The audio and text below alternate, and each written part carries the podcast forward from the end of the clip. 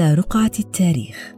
نلعب بأحجار عاجية فنعيد بها حبكة الماضي وأحداثه. وجبة من التاريخ البديل أقدمها لكم أنا بندري الفراج في بودكاست على رقعة التاريخ.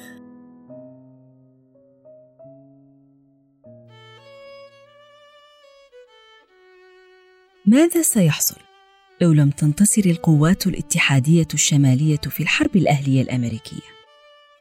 هل ستكون أمريكا هي الدولة العظمى التي نعرف اليوم؟ هل كانت لتستطيع تفكيك الاتحاد السوفيتي؟ هل كنا سنسمع أغاني ذات نكهة أفريقية ولاتينية كالراب والجاز والريغي؟ هل كنا لنرى هذا التنوع الثقافي والعرقي الذي تعيشه أمريكا اليوم؟ باختصار ماذا كان سيحصل لو تغيرت أحداث الحرب الأهلية الأمريكية نحييكم في حلقة جديدة من سلسلة حلقات التاريخ البديل. نكشف فيها صفحات لم يكتبها التاريخ. بل كتبها خيال إنساني يتوقع ماذا سيحصل لو تغيرت أحداث التاريخ. الحرب الأهلية الأمريكية. هي صراعات داخلية حدثت داخل الولايات المتحدة استمرت أربع سنوات. من عام 1861 إلى عام 1865 حرب بين الشمال والجنوب الأمريكي. الشمال هو الحكومة المركزية التي اسمها حكومة الاتحاد. ضد الجنوب. الجنوب المتمثل في 11 ولاية جنوبية أعلنت انفصالها وتسمت بالولايات الكونفدرالية. هي أهلية بين الشمال الاتحاد الأمريكي والجنوب الكونفدرالي.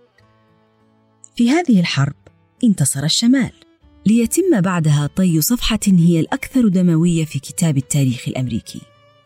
حرب خلفت 750 ألف قتيل. هذا العدد الذي تجاوز ضحايا الجنود الأمريكيين في الحرب العالمية الأولى والثانية مجتمعتين. في عام 1860 أي قبل الحرب الأهلية شن إبراهام لينكولن في حملته الانتخابية للرئاسة هجوما عنيفا على العبودية في أمريكا. هذا الهجوم لم يكن على نظام الرق فقط بل على اقتصاد الجنوبيين. فعل كل شيء ألقى الخطب قابل الجمهور تكبد مبالغا طائلة. حاول تقمص الشفافية ولكنه لم يستطع الوصول لقلوب الناس. الولايات الجنوبية كانت تعتمد على العبودية كيد عاملة مهمة للعمل في حقول القطن. بمعنى آخر، كانت توجهات الرئيس المرشح إبراهام لينكولن بمثابة تخريب لاقتصاد الجنوب. لم يفلح أول خطاب رئاسي أدلى به لينكولن عندما أكد أنه في حال انتخابه رئيسا فهو لن يشن حربا على الجنوب، وقال: ليس لدي أي هدف سواء مباشرا كان أو غير مباشر للتدخل في مؤسسة الرق أينما كان في الولايات المتحدة.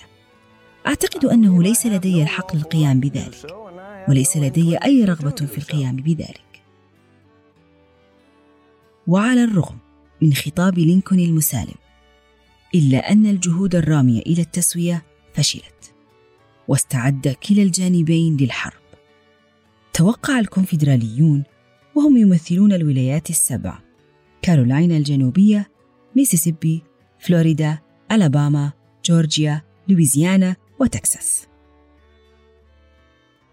توقعت هذه الولايات أن تقف معها الدول الأوروبية، تلك الدول التي كانت تعتمد على تجارة القطن، ولكنها لم تفعل، ولم تعترف بالولايات الكونفدرالية الأمريكية الجديدة، إلا أن الأسباب أكبر من مسألة تجارة قطن، حيث كانت الولايات الجنوبية والشمالية منقسمة في قيمهم الحياتية وتوجهاتهم الاجتماعية والاقتصادية. حيث كان توجه الشماليين ضد الرق ومع تشجيع الصناعة والتعدين. بينما انعزل الجنوب وانكفأ على الزراعة واستخدام العبيد لإنعاش اقتصادهم الزراعي. كانت العبودية في الجنوب مبدأ ثابتا اقتصاديا وعقديا. يتضح ذلك من موقف الجنوبيين من تعيين العبيد كجنود حرب. فهم يرون العبودية نظاما اقتصاديا بحتا والعبيد في نظرهم عمال بالأجرة لا يجوز أن يوظفوا في الجيش. لاحظوا أنه على الرغم من تناقص القوة البشرية في الجنوب كان معظم القادة الجنوبيين يعارضون تسليح العبيد. كما قال هوبل كوب إن صلح العبيد كجنود فنظريتنا بأكملها عن العبودية خاطئة. لكن كيف انتصرت الحكومة الاتحادية في الشمال؟ السبب الأهم هو استخدامهم للصناعة الثقيلة والاتصالات المتطورة بشكل غير مسبوق في الحروب حيث استخدموا التلغراف السكك الحديدية والبواخر والأسلحة الثقيلة هذه البواخر الحربية استطاعت تطويق الجنوب في خطة عسكرية سميت بالأناكوندا أو الحية العملاقة حيث حاصرت البواخر الاتحادية الشمالية الساحل الجنوبي ثم قسمت الجنوب لقسمين فمنعت بذلك أي إمدادات للأسلحة وعطلت تماما تجارة القطن. نعم انتصر الشمال لكن ماذا لو لم تنتصر الحكومة الاتحادية في الحرب؟ ماذا كان سيحصل؟ في كتاب بعنوان ماذا لو انتصر الجنوب؟ للمؤلف ماكينيلي كينتر والذي استبصر فيه ماذا كان سيحصل في العالم وفي أمريكا بالذات لو لم ينتصر الشمال الاتحادي على الجنوب الكونفدرالي. بالطبع أول ما كان سيحصل هو عزل الرئيس الأمريكي لينكولن. طبعا سيتطلب الأمر اختيار رئيس يقبله الشمال والجنوب على حد سواء. وهذا يعني استمرار العبودية وتجارة الرق. واستضطر الدولتان الأمريكيتان الشمال والجنوب للرضوخ إلى الضغوط الدولية لتحرير العبيد وتوقيع اتفاقيات تحرم التجارة بالرق. هذا يعني أن أمريكا ستفقد واحدا من أهم كروتها التي لعبت بها طوال العقود الماضية وما زالت تستغله. كرت تحرير العبيد طوعا وعن قناعة وطنية داخلية. شيء آخر سيحدث. لن تكون هناك واشنطن. طبعا فالحكومة الانفصالية في الجنوب ستطلب تغيير العاصمة إلى منطقة محايدة في المنتصف ويتوقع أن تكون مدينة كولومبيا هي الخيار الأمثل. عندما انتصر الاتحاد الشمالي أتموا صفقة شراء ألاسكا من الروس مقابل سبعة ملايين دولار. هذه الدولة التي انتصرت ووحدت أمريكا تحت علم واحد. ستهتم الآن بالأخطار المحتقة بها من خارج الحدود.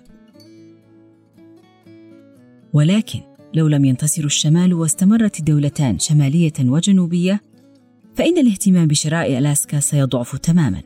فلا وقت للتفكير في ألاسكا ولا في أهميتها الاستراتيجية. طالما البلد يقع تحت حرب وانقسام داخلي. بالتالي ستفقد أمريكا مصدرا عظيما للمعادن ومكانا استراتيجيا عظيما مطلا على البحر الهادئ. وهنا الكارثة حيث ستتحول روسيا القيصرية إلى الاتحاد السوفيتي وينشر صواريخه النووية وقواعده في ألاسكا ويصبح قلب أمريكا معرضا ليل نهار للقصف السوفيتي. وفي الأخير بعد أن تخوض الدولتان الشمالية والجنوبية حربين عالميتين ضد ألمانيا وحلفائها ستتوحد الدولتان عام 1960 للميلاد. ولن تكون قوة عظمى لأن الاتحاد السوفيتي سيكون هو القوة الأعظم بلا منافس.